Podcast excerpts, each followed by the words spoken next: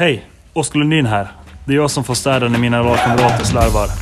Fortsätt lyssna på Gävlepodden.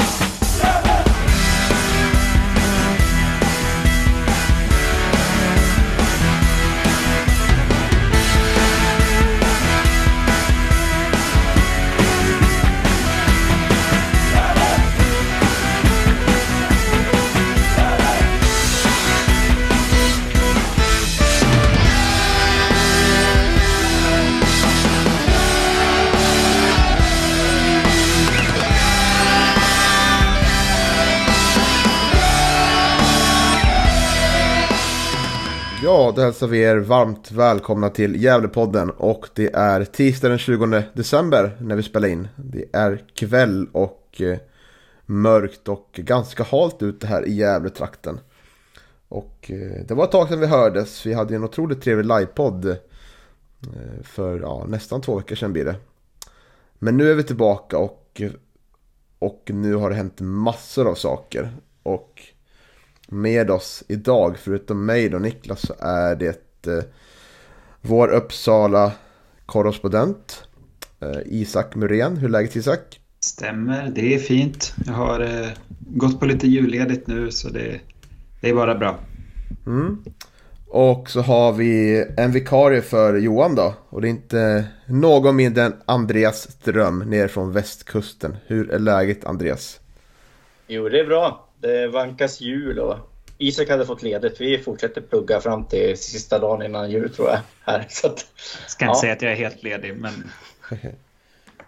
det, är bättre, det är bättre i Uppsala. Det är alltid bättre där. Alltid. Ja, det är så. Jag, jag skriver under. Ja, härligt. Eh, och eh, ja, visst var det en trevlig live på senast, Isak? Ja, verkligen. Det, det var riktigt trevligt och vi hade väldigt bra samtal. Um, så det var, det var kul att lyssna lite i efterhand och det, det kändes som att vi, vi satt länge och vi, men vi fick ut mycket av det också. Det blev nästan lite väl tight eh, mot slutet men mm. det hör väl kanske till. Ja, så är det. Så är det. Och eh, ja, vi har mycket att prata om idag. Det blir mycket silly season snack om de som har lämnat och eh, de som skriver på för nytt kontrakt och eh, nyförvärv som trillat in. Men även lite rykten och sånt tänker jag. Och så ska vi prata om spelschemat som blev släppt idag. Där de 16 första omgångarna Superettan är fastställda. Vilken dag det blir. Så det är otroligt spännande tycker jag och kul. Men vi kommer göra så här att vi börjar med det som har, har hänt, eh, hänt först då, i december månad. Och eh, då har vi Sören Eriksson, vår hjälp, eller assisterande tränare som har lämnat vi pratade lite om det i livepodden, men inte så mycket. Så jag tänker att vi ska kanske ska prata mer om vad det kan betyda för det här laget i Superettan. Vad är dina spontana tankar där, Andreas, när du fick höra om att Sören lämnar laget? Jag tycker att det är hemskt tråkigt. Jag som hälsing gillade ju att det fanns en, en, en annan hälsing i, i ledarstaben. Jag har ju pratat en del med Sören och väldigt trevlig och genuin person liksom som känns när man träffar honom så känns det som att han är genuint intresserad av en, vad, vad man är för en person och liksom sådär. Så att eh, jag ser det som en stor förlust. Jag, sen är det ju sådär, man, man sitter från utsidan och försöker analysera betydelse av, av teamet, liksom, Bengtsson och Eriksson. Men det kändes som att han kom in och, och vi fick ett mer varierat spel och, och liksom, vi fick allt det där som vi har tjatat om i den här podden. Liksom. Sen om det var Sören eller om det var Micke, det, det vet man ju inte. Men spontana känslan var ju att, att Sören kom in och, och det kändes som att det, det blev liksom en, en bättre enhet, ett bättre samarbete mellan, mellan Bengtsson och Eriksson. Eh, så. Eh, så jag, jag ser det som en stor förlust eh, och att det är viktigt att man får in en annan person som kanske har samma egenskaper som, som Sören har. Mm. Vad, vad tror du då Isak? Eh, har du något namn du sitter och förlurar på här och tänkt på?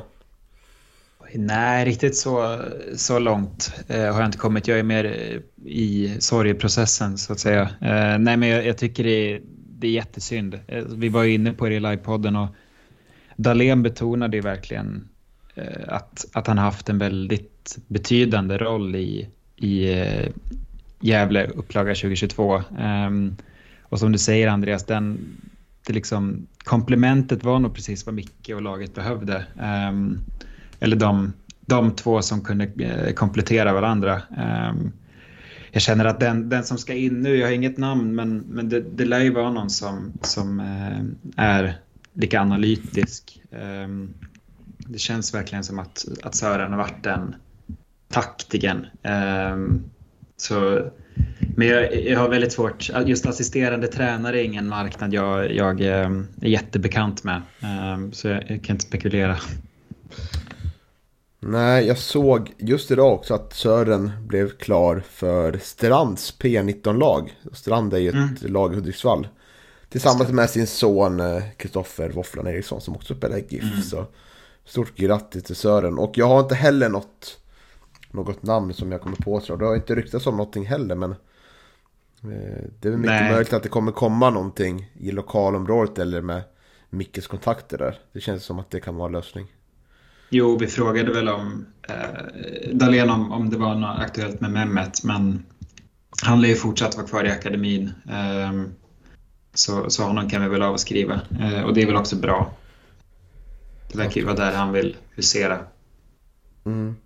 Vad är det för U19-tränare i Sundsvall? Är det Gullfot eller? Uh, Ja, det är väl möjligt att han kanske... Jag kommer inte ihåg vilken roll han har, har där. Men... Det skulle inte vara någon jättestor skräll om det är någon från Sundsvalls ungdomsled som skulle komma. Nej. Det brukar, brukar ju vara så. Mm, absolut. Men eh, vi får väl avvakta lite med assisterande tränare och se, se vem det blir mm. framöver. Och får önska Sören lycka till då i nya rollen. Eh, det som hände dagen efter 7 december. Det var att Sebastian Friman skrev på en nytt kontrakt. Eh, och här vart jag kanske lite förvånad. Jag har ju eh, min dröm, eller dröm, min... Ja. Det jag ville när vi gick upp i supet när vi skulle behålla vår, vår, vår startelva så stor mån som möjligt. Och att vi där skulle kanske spelare som Sebastian Friman skulle inte få nytt kontrakt utan vi skulle värva in lite mer en bättre bänk eller spetsspelare som kan utmana i startelvan. Och för jag, jag, ser inte riktigt den potentialen i Sebastian Friman i Superettan. Jag tycker att han eh, passade lite bättre in i vårt spel förra året när vi var när han hade väldigt bra spelare runt om sig och, eh, och sådär. Det var ett bollförande lag i ettan norra tror inte vi kommer vara det på samma sätt i Superettan och då med det höga tempot så, och bättre spelare och motspelare. Så jag tror det kan bli svårt för han att, att, att eh, hävda sig längre upp. Det var min spontana tanke. Vad säger du Andreas om den här förlängningen? Jag vet inte, alltså, det, jag, jag tänker lite på Friman och hans utveckling också. För jag menar, han är inte jättegammal, eh, Sebastian, och eh, han platsar ju inte förra året eh, i ettan och nu blir det ännu svårare att ta en plats, precis som du säger Niklas. Alltså, jag kan väl se, om vi inte värvar in någon, eh, några Eh, liksom, andra namn på vänsterback och högerback så kan han ju spela där och då blir han ju liksom en spelare som är beroende av att någon går sönder eller att det är spelare avstängda. Och, och ehm, Äh, jag, jag ville hellre ha någon ung liksom, som, som är och pushar på en position som de ska spela på. Nu blir, det ju, nu blir ju Friman en, en Engelmark, heter han där i IFK? Erlingmark, eh, Erlingmark, förlåt. Erlingmark, liksom, en, en, spelare som kan spela kanske på jättemånga positioner men liksom inte ha någon fast position själv. Mm. Jag, jag, tror inte att det gynnar Sebastian och, och den fotbollsspelare han kanske skulle kunna bli. Jag tror att han hade varit bättre om han hade stannat kvar i ettan och tagit plats i, i något lag där och fått spela på en mittfältsroll som jag tycker att är hans. Liksom. Så att, nej, jag är också negativ eh, till, till den. Dels att det är, är tråkigt för Sebastian eh, men också att, att eh, jag vill hellre ha spelare som är vänsterback eller högerback och är med och flåsar ordinarie spelare i, i nacken. Liksom eh, om speltid. Så att eh, jag är väl också negativ. Sen, Sen är det så, vi står utanför laget, vi är inte med på det dagliga och det kanske är så att han är en jättebra person för, för laget och sammanhållningen och sådana grejer och det kan jag liksom inte väga in här utan jag kan ju bara se på det, på det rent spelmässiga helt enkelt. Men jag, alltså jag, jag håller med det ni säger. Det har ju verkligen blivit en vattendelare. Alltså det har ju varit snack om att ska vi förlänga med sådana spelare som, som agerat inhoppare. Eh, det kommer inte bli enklare för dem i ettan. Eh, och det, det, ligger ju mycket i det du säger Andreas. Alltså vad, vad, vilken roll ska, ska Friman fylla i superettan? Eh, när vi bedömde honom eh, i, ja, i spela, spelarbetygen vi hade här veckan så var just en sån faktor att det, han är ju svårbedömd för att han inte har en fast position. Men jag är väl kanske inte fullt så negativ. Jag tänker ändå att han kommer inte, han, han förlänger ju inte i, i med liksom tanken om att han kommer vara ordinarie i superettan. Ehm, med största sannolikhet så kommer det värvas in någon som, som kommer att vara bättre eller en tilltänkt startspelare. Ehm, och om, om vi ändå ska ha spelare som, som sitter på bänken eller som, som är ett andrahandsalternativ så tycker jag ändå att det är bättre att, väl, att ha någon som, som vi vet vad vi får. Eh, att, att ha Friman som ett andra alternativ på vänsterbacken eller på högerbacken eller vad det nu kommer bli är ju i mitt tycke bättre än att värva in någon eh, som ska fylla samma funktion. Eh, för, för Friman är ju, vi vet vad vi får, han tar kanske inte jättemycket lön. Eh, och han har ju på något sätt funnits... alltså han har ju inte varit ordinarie de här tre åren. Ehm, och det verkar inte som att det, det verkar inte som att han liksom pyr av missnöje. Eh, så det är säkert kul för honom att få spela Superettan, eh, tänker jag också. Ehm, så jag är ganska säker på att han, han, förlängningen är ju inte gjord för att han ska vara en tilltänkt startspelare. Ehm, men, men absolut, sen kan man ju fråga sig vad det gör med hans utveckling och ambition. Sådär. Men förmodligen kommer han ju utvecklas. Ehm, det tycker jag att han har gjort de här tre åren. Men, men det är kanske inte en sån förlängning som man, man gick och hoppades på. Det är inte det nödvändigaste för laget kanske. Nej, men ah, nu blir det väl ett u lag också. Eh, så att eh, mm, nu kan man ju, kan ju troligtvis sådana spelare som Friman visa upp sig på ett bättre sätt också mm. i matchsituationer eh, och försöka kriga därifrån. Ehm, så att ja, nej, jag, är, jag är negativ men eh, Micke kanske ser någonting i Friman som jag inte ser. Vi får hoppas det. Det känns ju som att hans roll blir samma roll som han hade förra året. Och mm. kanske framförallt mer nu med spelarna som kommer som har kommit in idag men kanske kommer in imorgon redan också. Att eh, han blir kanske första alternativ på, som backup till våra ytterbackspositioner tror jag. Att han får vikariera där för Aspgren när han är borta och eh, ja, den vänsterbacken som förmodas komma in. Och eh, ja. Eh, det är väl en ytterspelare men jag, jag, tror att det kan bli, kan bli tufft för honom att räcka till. Men han får gärna motbevisa mig såklart. Ja, absolut. Och det där är ju, alltså en trupp behöver ju också spelare som, vi kan inte bara ha 18 startspelare i truppen. För då kommer det ju på något sätt uppstå missnöje och, och sådär. Eh, alltså Sandviken har ju, där har det varit väldigt många kan jag tänka mig som, som kanske hade trott att de skulle få spela mer än vad de faktiskt fick. Alltså det behövs ju en dynamik i en grupp också. Både liksom roller och rent socialt. Um, och där Andreas, det, det, var ju det du sa, det vet ju inte vi något om egentligen. Men um, jag, jag, är inte fullt så negativ um, faktiskt. Hur långt kontrakt var det? Var det ett år eller två? Två tror jag. Ja. Dahlén sa att de inte skriver några ettårskontrakt längre. Nej. Så det är ändå bra. Då kommer han ju nästan bli fem år i GIF när han är klar, det är ändå starkt. Verkligen. Man kanske inte trott när han värvades. Nej. Men... Nej, så är det. Kulturbärare. ja, visst, visst. Eh, ja, vi rör oss vidare då. Och här är ett rykte om en spelare som det inte blev av med. Men som det många trodde skulle bli en stor bomb då. Det, då pratar jag om John Junior då. Som hade kommit ut där på, på Twitter. Bland annat att att eh, han har blivit erbjuden ett avtal av Gävle IF och eh, var nära att skriva på för Gävle IF. Och här var det spännande att han uttalade sig själv i tidningen och sa ganska öppet att eh, det stod mellan Gävle IF och Sandviken. Och, eh, och eh, ja, men han valde till slut att stanna kvar i Sandviken och eh, det kom ju ut lite skriverier på Svenska fansforumet om att eh, Sandviken hade, hade använt pengarna för Kosi Asare som gick till Landskrona Boys till att eh, ge John Junior sign-on bonus då på ganska sexsiffrigt belopp då. Och eh, det får man väl ta för vad det är om det är sant eller inte sådär. Men eh, vad, det, det tycker jag var mycket, var mycket intressant där. Om det skulle stämma att han fick, fick eh, vi får väl anta att, tror jag i alla fall, att eh, det var ett bättre erbjudande i Sandviken än det var i Gävle på det stora hela. Eh, men han valde då, som han själv sa, att stanna för, för bekvämligheten och familjen då.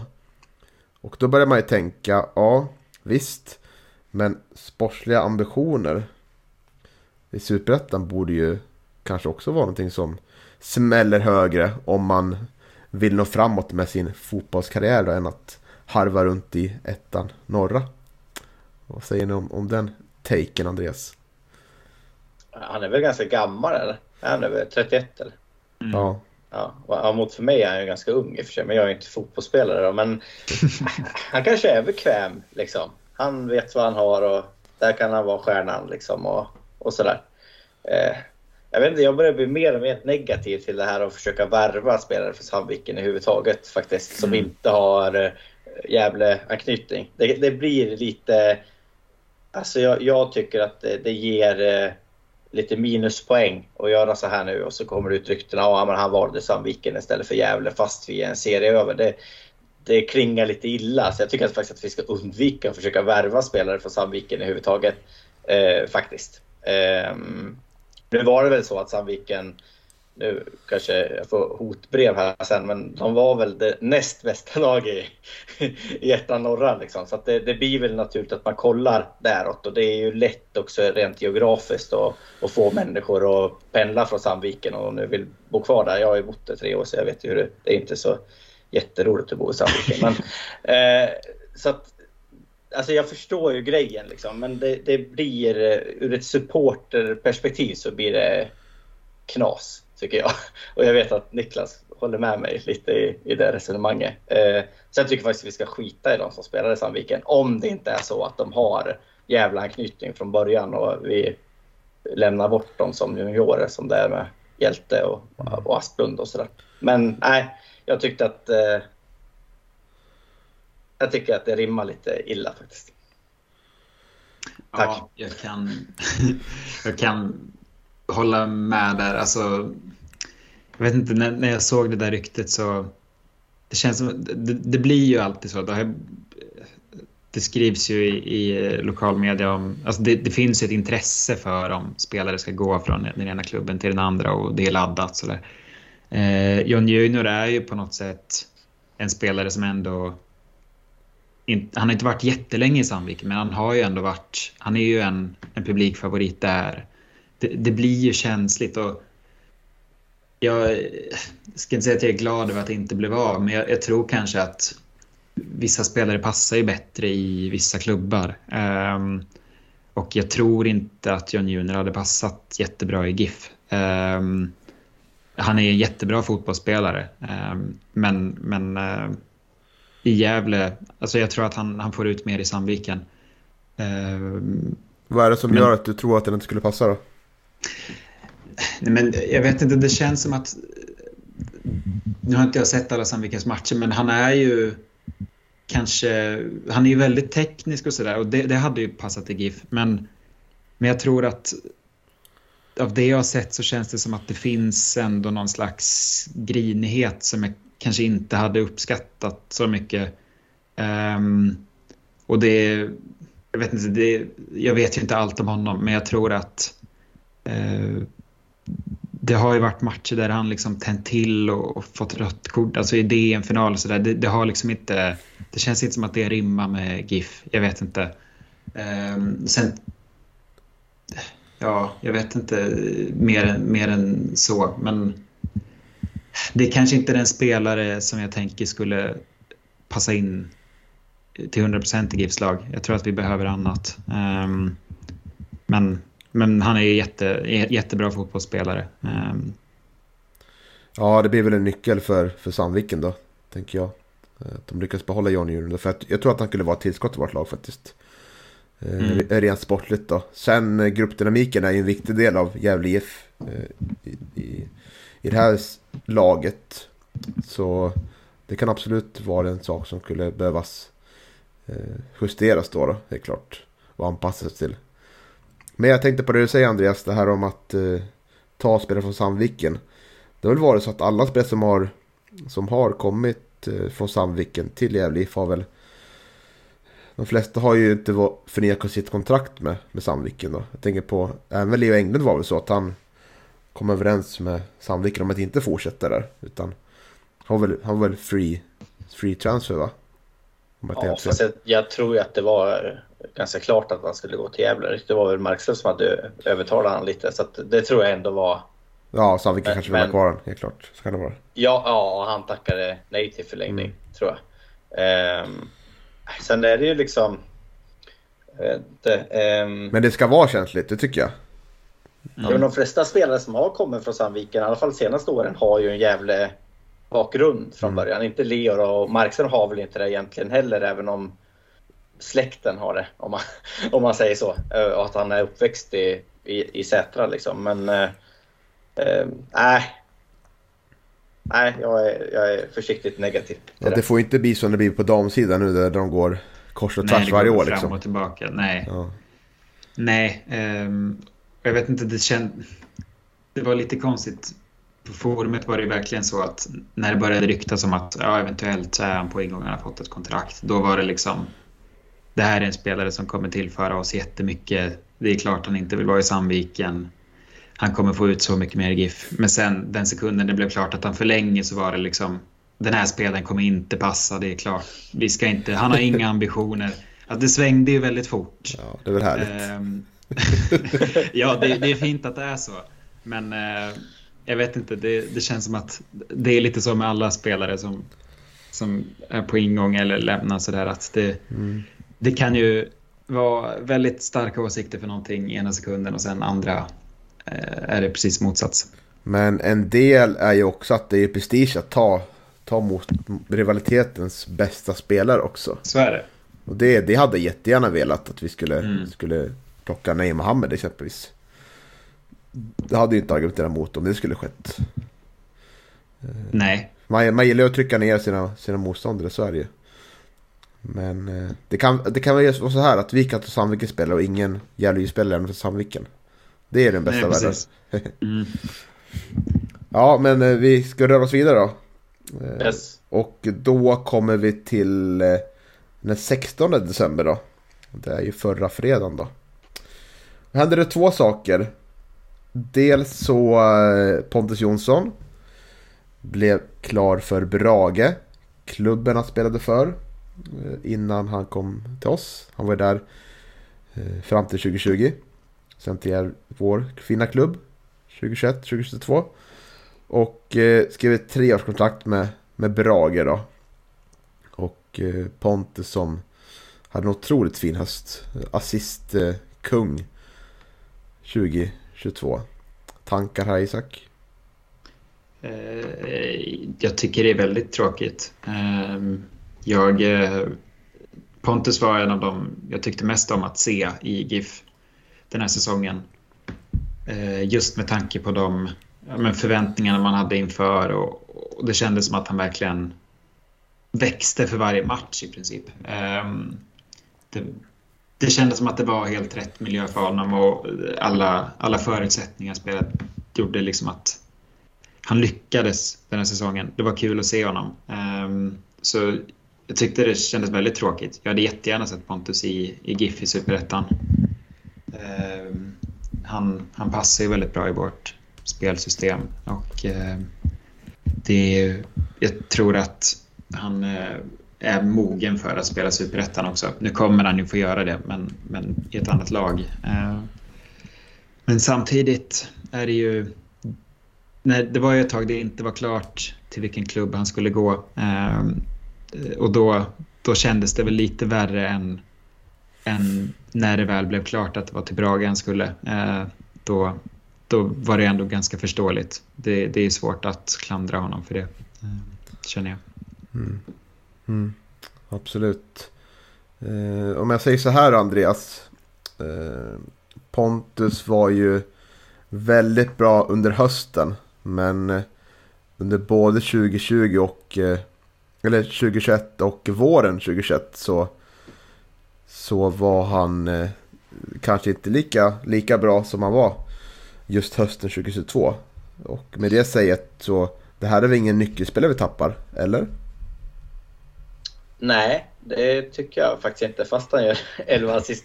men alltså, vi satt ju här, eh, jag var nog med någon Sillypodd förra året också. Och då ryktas det lite att han skulle gå hem till Kvarnsveden. Då, då röck man lite på axlarna Korsnäs. då. Korsnäs, ja förlåt. Kolla. Korsnäs. Och eh, då röck man lite på axlarna då för att han hade ju liksom inte riktigt visat. Jag tyckte han körde oftast fast i sina dribblingar. Han höll i bollen lite för länge. Alltså allt det där.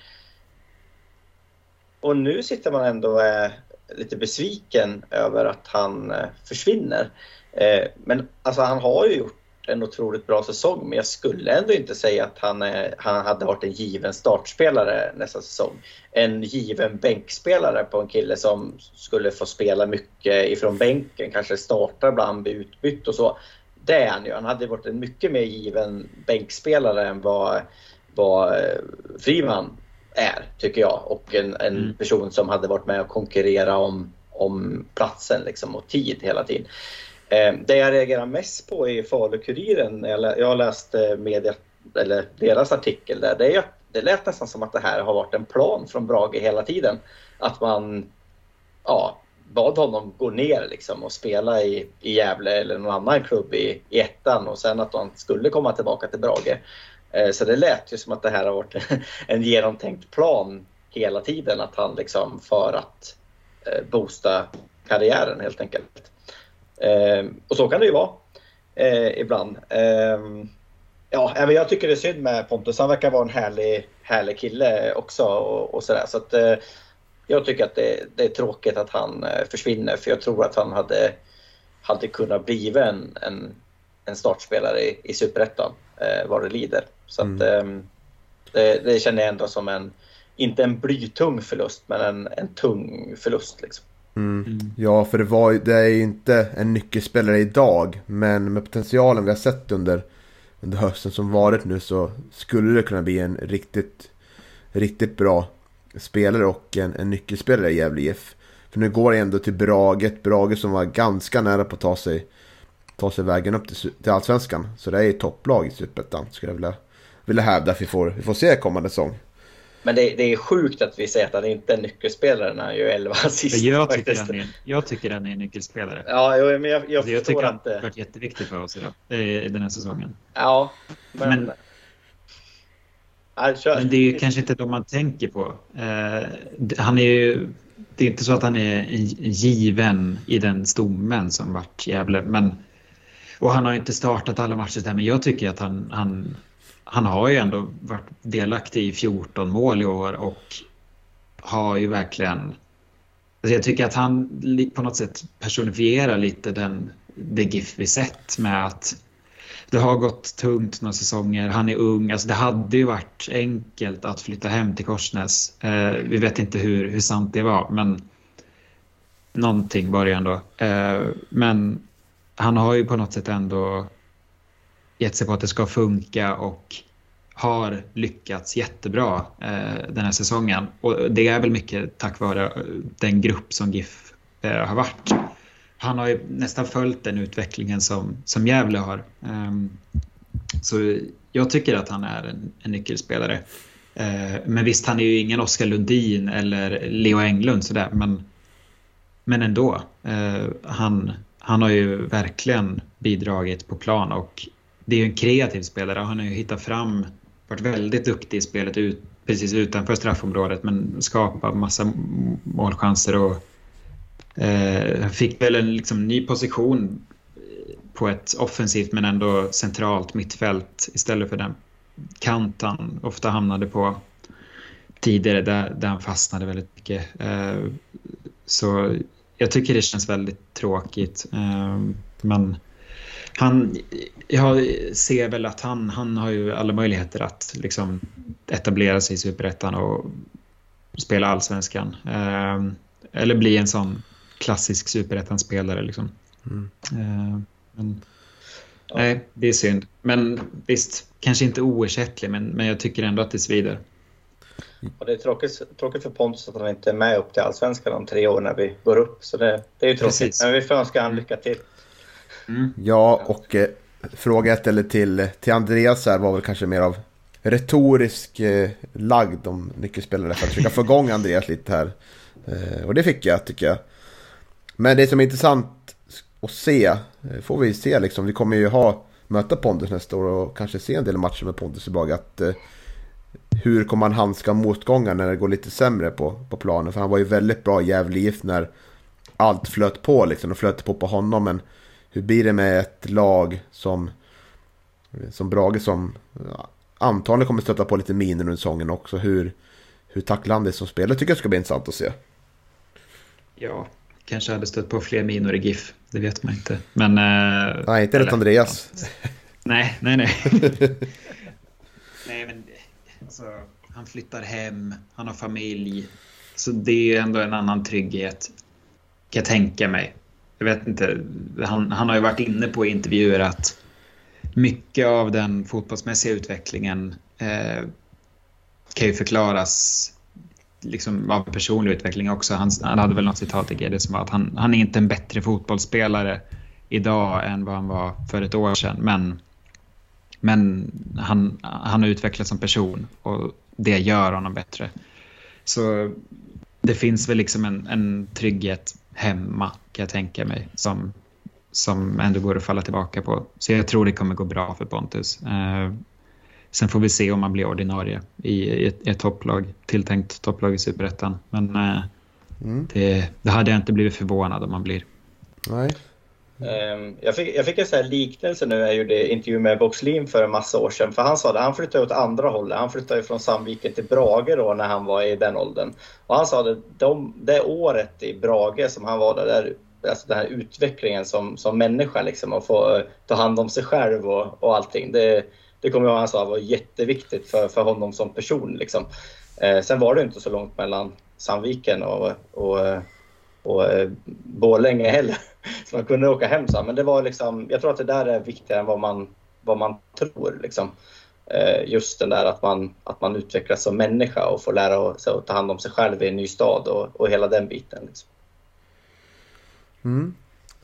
Och eh, samma dag då så fick vi klart med ny målvakt och eh, hans namn är Tobias Johansson. Och är värvad från SAIK då, division 2. Men har tidigare spelat i Sandvikens IF och var ju ordinarie där säsongen 2020. Men spelade bara en match 2021 innan han gick till SAIK 2022. Och Tim Markström då, vår, vår nya målvaktstränare, säger så här om eh, Tobias Johansson. I Tobbe får vi en väldigt kompetent målvakt som har riktigt bra reflexer och tycker om att styra och ställa i målet. Men framförallt får vi in en väldigt tävlingsriktad person som passar perfekt in i vår grupp. Och säger Isak, första tanken, är det en första eller andra målis? Uh, um, ja, det lät ju på Dahlén och Tim som att vi kommer ha en konkurrenssituation mellan två tilltänkta första målvakter.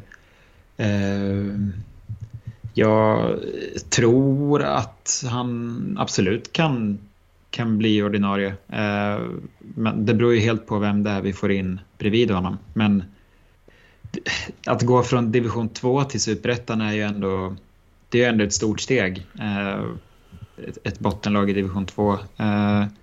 Så det kommer kanske inte bli helt enkelt direkt. Ehm, men det är någonting som liksom fått mig att tro att när vi värvar in spelare som, som spelar på lägre nivå eller inte helt lyckats.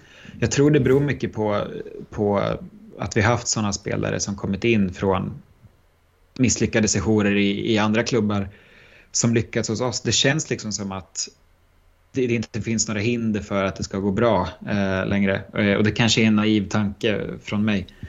Men jag hoppas att han, att han kan lyckas. Eh, det, det, är väl liksom, det är ingen så jätteövertygande statistik men, men i en bra konkurrenssituation så absolut.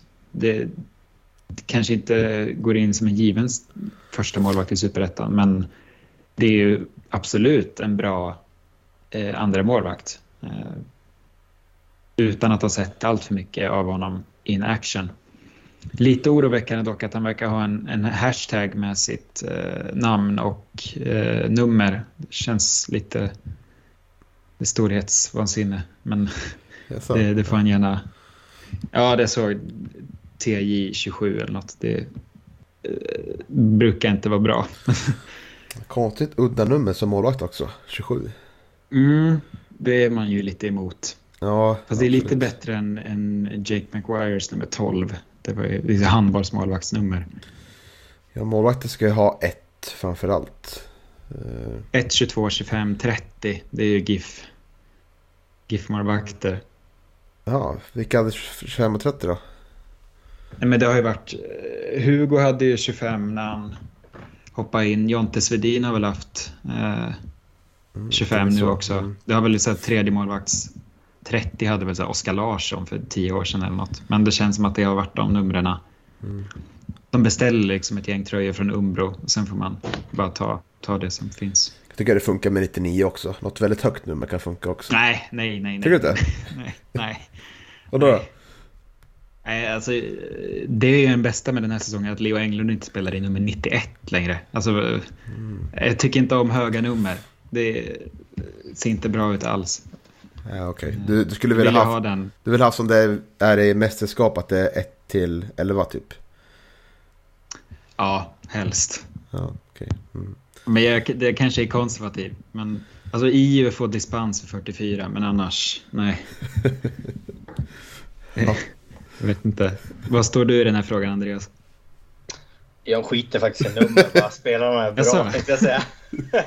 nej, nej, men nej, jag vet inte. Det, det, är så här, det finns ju så här klassiska, men jag, jag kan tycka att det är lite coolt om någon spelar 91 också. Alltså, ja, nej, jag är inte så konservativ. Jag är, jag är liberal i den frågan, känner jag.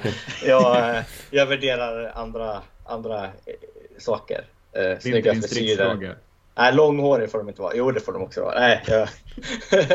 nej, men det, det funkar. Um, okay. Jag satt och kollade lite nu, försökte lära mig lite om vår nya målis här. Men, uh, han är norsk på en sida, men jag tror att det, det är något misstag. De har tagit fel på svenska och norska flaggan helt enkelt. Um, Ska jag säga något så, jag vet inte så mycket om eh, Tobias. Eh, litar ju ändå på Markström att han vet vad han håller på med kanske. Eh, och han får gärna visa vilken bra målvakt han är. Men jag, jag håller mig lite sådär uh, neutral faktiskt i den här värmningen. Sen tror jag att det är en väldigt bra andra målvakt men uh, jag, jag, jag vet inte. Ska vi ta in en ung målvakt från all, allsvenskan så vet man aldrig vad man, vad man får tänkte jag säga. Så att uh, han blir ju någonstans ändå den stabila utposten lite, lite äldre så. Men jag, jag håller mig neutral till Tobias, det han har kört några mm. försäsongsmatcher. Då ska jag kommentera. Ja, det känns som en, som en andra målvakt för mig och eh, Eh, en klok värvning för andra målvakt faktiskt. Eh, Tim har koll på Tobias och han har, har erfarenhet från ettan. Och, eh, eh, det, det blir nog en lösning på första målvakten, ett lån tror jag från Allsvenskan i Superettan. För det blir nog dyrt att ta in en, en rutinerad målvakt som har spelat i elitfotbollen tror jag. Eh, men det ska bli intressant att se på försäsongen om hur Tobias sköter sig där. Det blir det blir där vi får värdera honom under säsongen tror jag framförallt. Eh, ja, men eh, vi rör oss vidare då till eh, den 19 som var igår måndag. Och då blev det klart att Sutso går till, till SAIK Alltså motsatt väg. Och SAIK då division 2. Det var väl ganska väntat att Sutso inte skulle vara kvar. Det har ju varit väldigt svårt att få ur, få ur representanter från klubben för Dahlén om varför, hur läget är med Sutsu. Det var ingen kommentar på, från Dahlén i livepodden. Angående Sutsu och Ibrahim Al-Hassan. Eh, så ja, bye bye Sutsu. Eller vad säger vi Isak?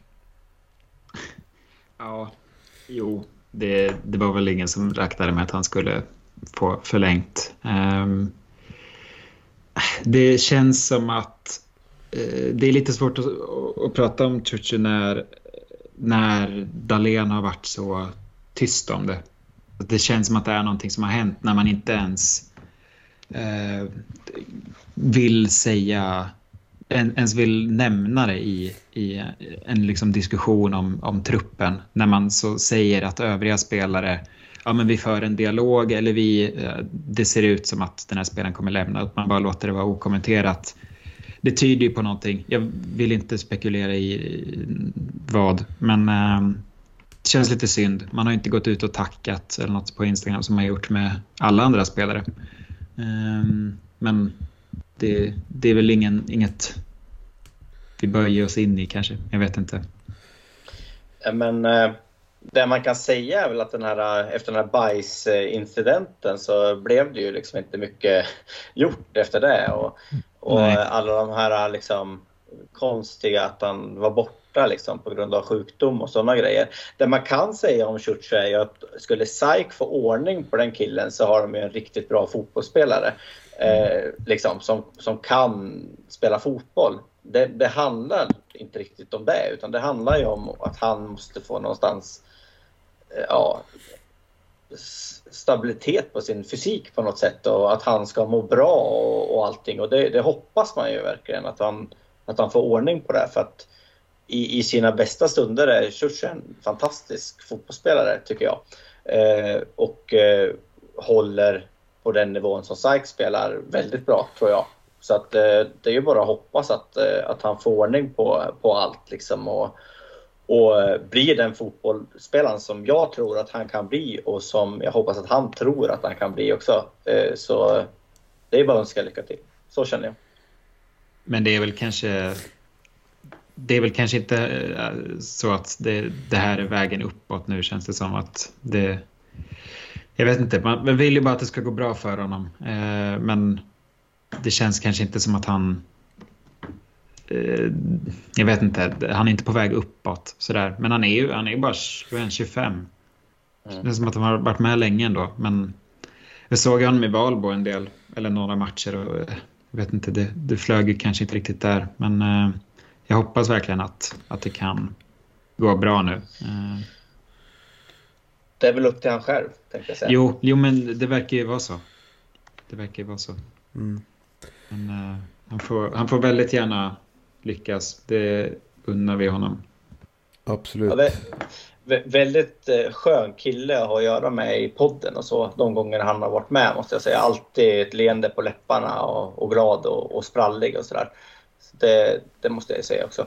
Mm. Ja, man får jättegärna gå in och lyssna på podden vi gjorde med honom. Om hans karriär. När han precis skrev på. Eh, 2020 va? Var det så? Mm. Mm. Eh, det tycker jag var en jättefin intervju. Porträtt av honom. Eh, men med det sagt så önskar vi så lycka till och tackar honom för insatsen i Gävle tröja. Du kommer ja, bli ihågkommen. Vi kanske, vi kanske kommer tillbaka. Mm, jag vet.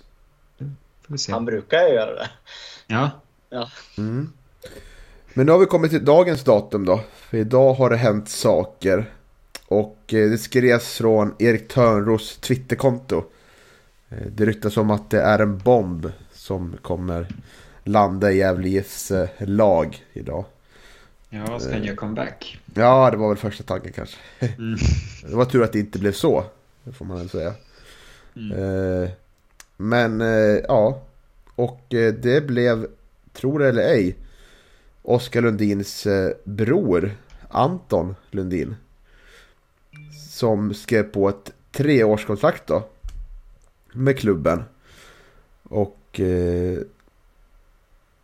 Ja, bomb, ja. Jag vet inte om det är bomb men. Det är ju en spelare, 26 år. Har varit bra under hela sin karriär. Eh, han har också gjort en liknande resa som ja, som Gävle IF kanske gör då. Men eh, han har varit med från division 1 till superettan och eh, var även med sam samma lag då, kvalade ju till Allsvenskan 2019. Eh, det blev hela 226 matcher för klubben. Eh, Micke Bengtsson säger så här då. I Anton får vi en etablerad superettaspelare som är riktigt bra på den här nivån. Han har en lika stark karaktär som brorsan Oskar vad gäller hårt arbete. Anton besitter offensiva kvaliteter som kommer passa bra för vårt nästa steg i det offensiva spelet. Och jag fick faktiskt lite info här från en vän till mig, skrev till en Brage-supporter eh, om hur, hur, man kan beskriva Anton då. Och eh, målfarlig, eh, teknisk avig, kanske inte den snabbaste, men har en förmåga att få med sig bollen ändå. Eh, verkar inte vara sig själv sen hans sambo gick bort i cancer förra året. Eh, men har gjort en, en del väldigt fina mål genom åren. Har haft volleyskott i krysset, mål från halva plan och så vidare. Och gjorde 13 mål säsongen vi kvalade till Allsvenskan, alltså 2019. Och med det, de fina siffrorna, det kanske är en bomben då? Eller vad säger du Andreas? Ja men det är klart det är det. Eh, det tycker jag nog. Eh, kille som har spelat i Superettan ganska många år, har varit spetsig där. Eh, har såklart varit med om en jättetragedi i sitt privatliv och behöver nog en omstart. Så jag tror att han behöver Gävle lika mycket som vi behöver honom. Eh, så att, eh, jag vet inte, det känns fint liksom. Och så att ha tvillingbröderna ihop helt enkelt. Eh, det är tur att de har lite olika spelstil så man kan se vem som är, eh, vem på planen kanske. Men, nej, men det är klart att eh, med, med, som det har sett ut för Gävle på värvningsfronten just nu så är det här en, det här är en högkvalitativ värvning. Helt klart. Så att, nej, jag skulle ju vara lite negativ i den här podden, men det sket ju sig på grund av det här. Så att jag är positiv. Ja, man kan väl tipsa om, Eh, det finns på vår Twitter, eh, Discoverys dokumentär som de gjorde om Ante Nordin. Eh, när hans sambo då gick bort i cancer då. Som verkar, verkar ha tagit hårt, hårt på honom såklart. Och har ju inte varit sig själv på fotbollsplanen. Så det här blir nog ett väldigt bra miljöombyte förhoppningsvis. Och eh, ja, det känns som en, känns som en startspelare helt klart. Och eh, starkt att knyta upp sig honom på tre år också. Eller hur Isak? Ja, verkligen. Eh, det är ju det är väldigt bra. Eh, han eh, tror, jag tror det här kommer passa väldigt bra med oss. Han verkar ju vara vänsterfotad och kanske lite mer offensiv än än Oscar. Så jag vet inte om han får, han får ses som en ersättare till Pontus kanske. Ehm, så det, det tror jag kommer bli bra. Han ehm, tappade tråden. Ehm, Ja, men yttermittfältare. Så det, det ser jag fram emot. Han och Oskar lär väl hitta varandra bra på plan. De har väl spelat ihop typ hela karriären. Så det, det blir kul att se vad de kan uträtta tillsammans. Mm. mm. Det är en tv tvillingbror kan man säga. Mm. Mm. Jag uppfattar honom som central offensiv mittfältare, men det kanske var fel. Eller forward kan han väl spela? Eller kan han ja, spela på kanten också? Ja, kanske inte yttermittfältare, men, men i alla fall inte lika, lika defensivt innermittfältare som Oskar. Verkar väl vara lite mer offensivt lagd i alla fall. Ja, jag tror att han, jag såg någon tidig intervju, då var han ju forward men kunde spela offensiv mittfältare. Men nu tror jag att han har spelat mer offensiv mittfältare de senaste åren i, i Brage, har jag det fattat det som i alla fall. Mm. Ehm, och sen om han ska spela forward i, i Gävle eller om, om, om det här liksom konkurrerar ut IO och får nytt kontrakt, det, det är också en sån där fråga. Liksom. Mm. Ehm, nu hoppas jag att det finns en plats för IO också, för det, då får vi ju riktigt bra eh, mittfält. Um, ja, kan vi se ja. honom kanske i någon sån roll som, eh, vet inte, som Jakob eller, eh, eller Pontus, eh, men lite mer centralt kanske. Eh, mm. Hade inte förvånat mig helt, men, men absolut, det blir ett väldigt starkt mittfält. Eh, oavsett vem vi får in eller om IO blir kvar. Eh, med, med Lundinbröderna och, och en till. Det är det kommer ju bli ett starkt mittfält. Mm. Ja, det blir intressant det här med, med pusslet som vi gör nu. För det, vi kommer inte ha den bredaste truppen så att en spelare som Anton Lundin är väl ganska mycket tänkt som en startspelare och då blir det man får lägga, blir han yttermittfältare. Det nämns att han inte är jättesnabb, då kanske han blir central. Och är det Jakob då som inte blir kvar eller är det Ranera som inte blir kvar? Det känns ju inte så jätterealistiskt att det blir både Anton Nordin, Antonio Jakob och Iranera på det mittfältet. Och, eh, eh, med tanke på, ja, så det, det blir intressant att se eh, hur, hur vi kan formera det där.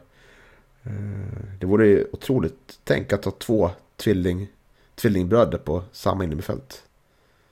Ja, jag, jag tänker ju Karlström är ju inte kvar heller så han ska väl egentligen ersättas också, tänker jag. Mm. Så att, eh, ja, där, ja. Tänk, där tänker jag att där blir det kanske spelarna som vi tror kommer skriva på eh, i veckan här i alla fall. Adrian mm. Edqvist som det ryktades om. Det verkar vara en mer av en offensiv yttermittfältare. Det fattar jag som. Och eh, Micke säger så här då, det, eller Dahlén säger det till och med. Det är en talang som är snabb och stark i djupled. Micke hade honom med P17-landslaget, så vi har bra koll. Och han har ju då spelat senaste två åren i Jönköping Södra. 2021, eh, 29 matcher, 19 från start, 5 mål och 3 assist. Och eh, i år då, 2022, 22 matcher, 10 från start och gjorde ett mål. Och det var ett kontrakt som, som bröts då. Och eh, vi kanske ska säga med Anton Edin också, det var lite oklart där. De har nått en överenskommelse med Brage. Men det är oklart om vi har betalat någonting för, för honom i övergångssumma eller liknande. Det, det kom vi inte riktigt fram till. Nej, men det, det, han verkar inte gå som bossman i alla fall. Mm, men ja, det, det, kanske framkommer. Ja. Men, uh, han, han hade ju ett år kvar på kontraktet. Men uh, det känns ju som att, att knyta upp en sån spelare med så pass mycket rutin och eh, på tre år lär ju ändå, det lär ju kosta lite. Men det, det känns ändå som ett säkert kort. Det är väl pengar vi vet vad vi får för. Mm. Jag menar apropå Adrian, Adrian Edqvist då. Det känns också som en väldigt intressant spelare utan att ha sett honom jättemycket. En, en med rutin från Superettan och som har spelat ändå någorlunda kontinuerligt från start så känns det väldigt intressant om han nu blir klar i veckan. Eh, tankar om, om honom då, Andreas? Jag vet inte så mycket om honom mer än liksom det man kan läsa sig till. Eh, och det är ju ungefär det som du sa. Eh, tycker att det är lite konstigt att man bryter med en spelare som gjorde 22 matcher den här säsongen.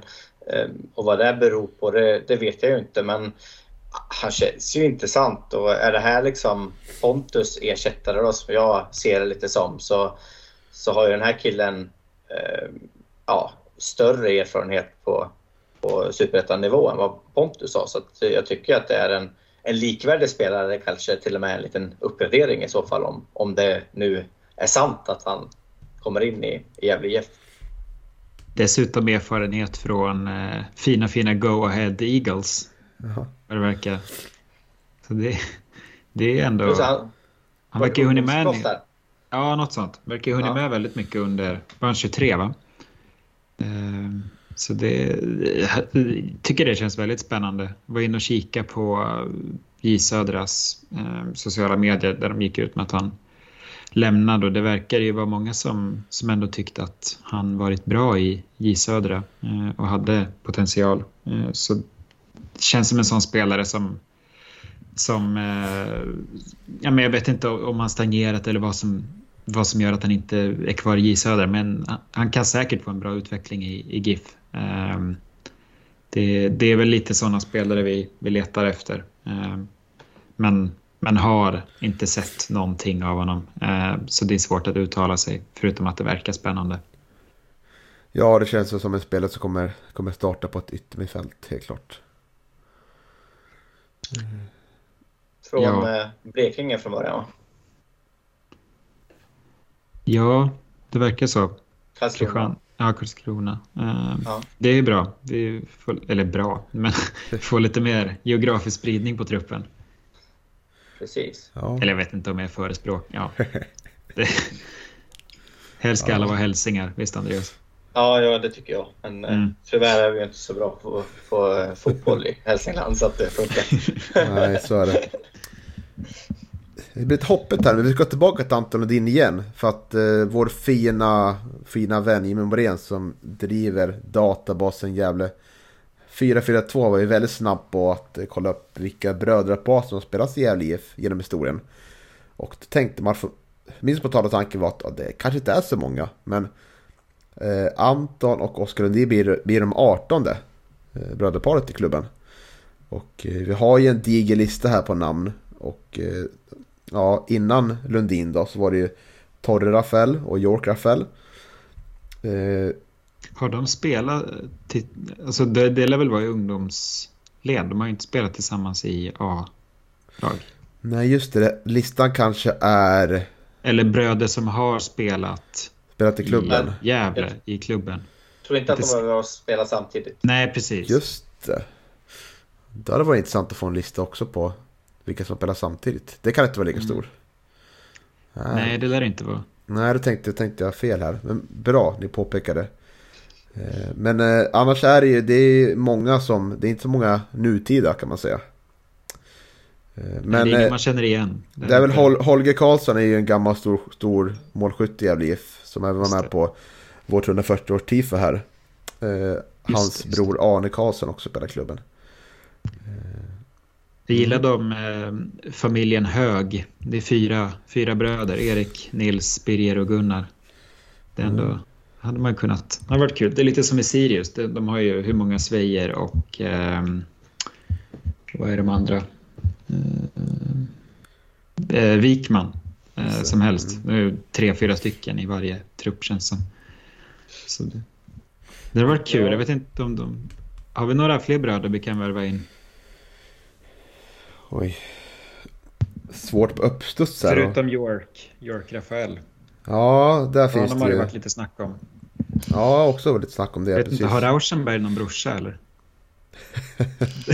det vore ju drömmen. ja. Bröderna Elm har slutat allihopa, så de, det går inte heller. Jag tror det. Det känns som att Rasmus hoppar in som... Hoppar in lite då och då. Mm. Tror sitter, på, sitter på bänken, ja. Ja, precis. Ja. Ja, nej men han, eh, han skrev ju där Jimmy också att han, Gunnar Hög, en av de där fyra bröderna, han är ju den yngste målskytten för eh, Gävle någonsin. Han var 15 år, 7 månader och 9 dagar när han gjorde mål. Ja, svårslaget rekord får man säga. Just det, ja. det var väl Linus Mattsson som var Nummer lite två. där och hotade. Ja. Han är ja, två år. Ja. Mm, han var väl också 15. Ja, han gjorde ja. målpremiären där mot Nyköping 2019. Precis. Ja. Och det här var Gunnar gjorde mål 1917. Så det, det är ju ett tag sedan. Det får man säga. Ja. Ja, men vi, jag får kolla med Jimmy kanske när, när två bröder har startat då i Gävle IF. Om eh, vilka som var senaste och hur många som har gjort det. Det är ännu mer intressant. Mm. Ja, tänk att vi ska, nu har vi ändå, kan vi summera lite. Vi har 14 utspelare under kontrakt och två målvakter klara. Och eh, Dahlén sa ju i livepodden senast att eh, antingen så blir det 18 utspelare. Eller så blir det 20 utspelare plus eh, tre målvakter då. Eh, så det ska ju in eh, antingen fyra eller sex utspelare till. Plus en målvakt då. Och prio här tänker jag, det blir väl en vänsterback. Där har vi liksom ingen riktigt tydlig. Vi har, vi har ju ingen. Det är väl Sebastian Frima som har från föregående lag som har spelat mest där. Eh, Innermittfältare såklart. Eh, ersätta Jakob och eh, kanske Ranera. Och en första målvakt tror vi. Men kanske en anfallare också tycker jag. Eh, är det något ni vill lyfta? Har ni någon spelare på lager eller ser ni någonting som eh, annars skulle behöva komma in? Andreas? Nej, men man, alltså som supporter blir man ju alltid så nostalgisk och tänker på spelare som har varit i klubben innan och, och sådär. Liksom.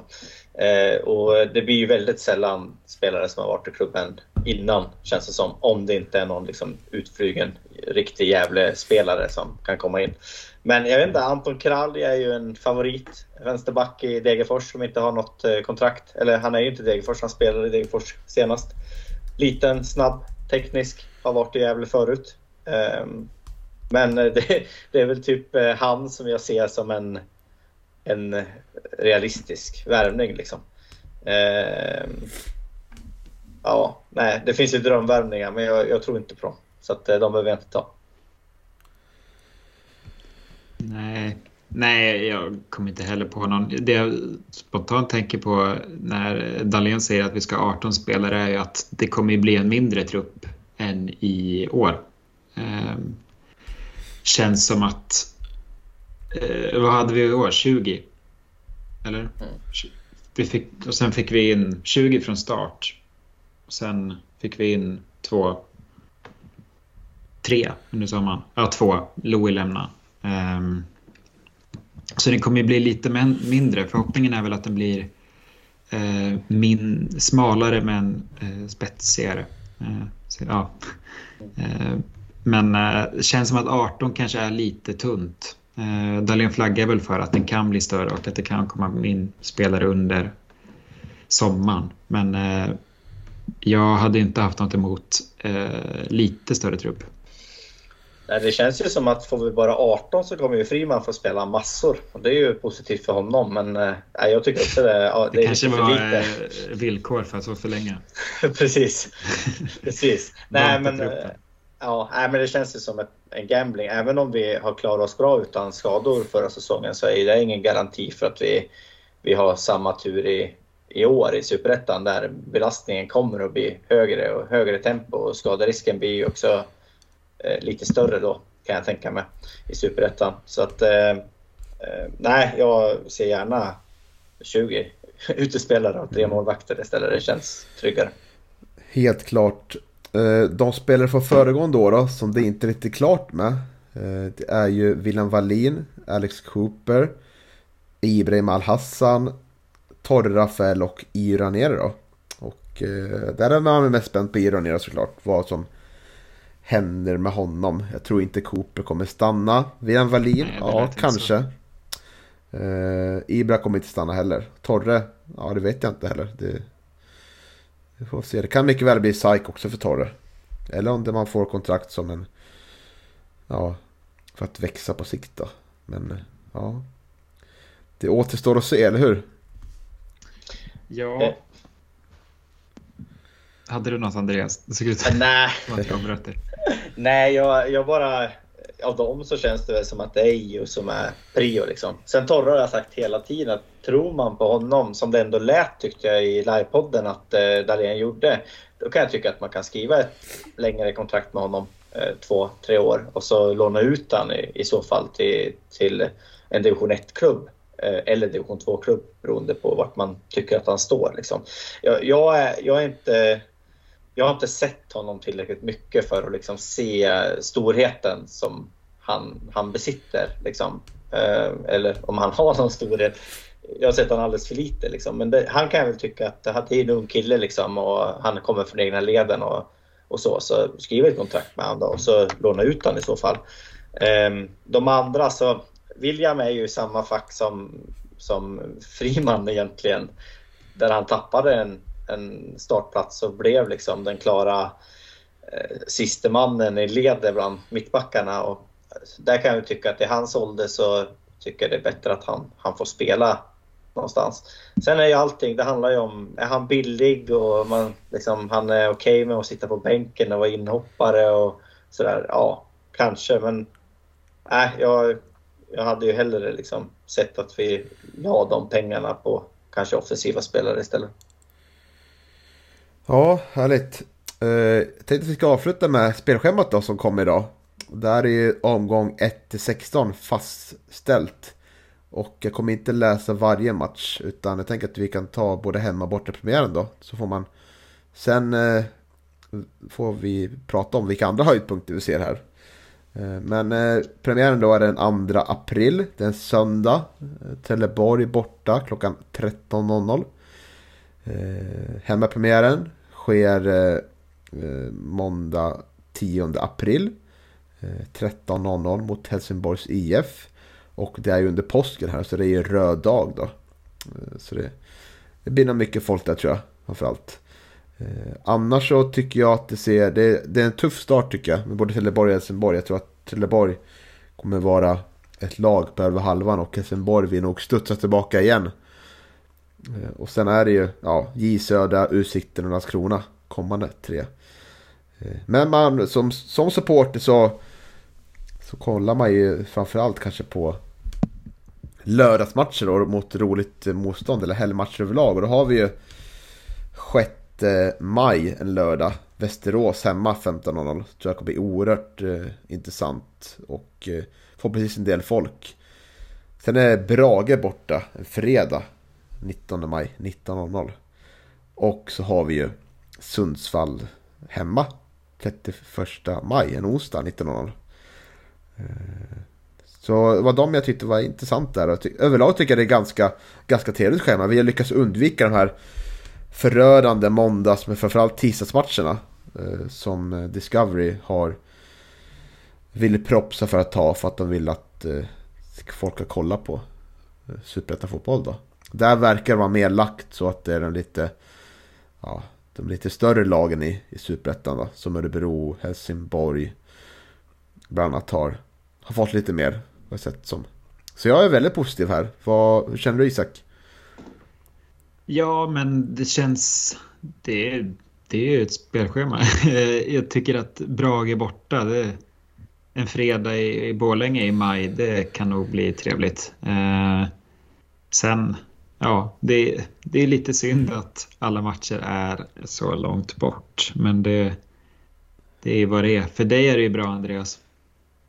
Ja, men jag, jag sitter och kollar lite. Jag har inte kollat så jättemycket, men eh, det är ju mest i början så är det ju Skåne ja. faktiskt. Långa jo, resor sant. även för mig. och ja. söndagar, alltså det vore bättre att ta bort en lördag. Då hade man liksom kunnat... Det blir alltid stressigt på söndagar tycker jag. Även om de är vid 13 så ska man ju hem och så ska man upp och jobba på, på måndagen ofta. Så att, um, men det är ju, jag ser ju det här jättepositivt. Det är ju liksom ja, Skövde, Jönköping, Göteborgsmatcherna. Um, ja, det, det, finns ju det finns ju massa matcher för mig att, att gå på på ett helt annat sätt än när man fick kuska till Karlstad och Örebro. Typ. Som var de närmaste innan. Så att, äh, det ska bli skoj. Mm. Ja, det känns som att eh, det kan bli något. Där har vi 16 juli. Ja, eh, trevliga borta. Som, somrar i Göteborg är ju trevliga också.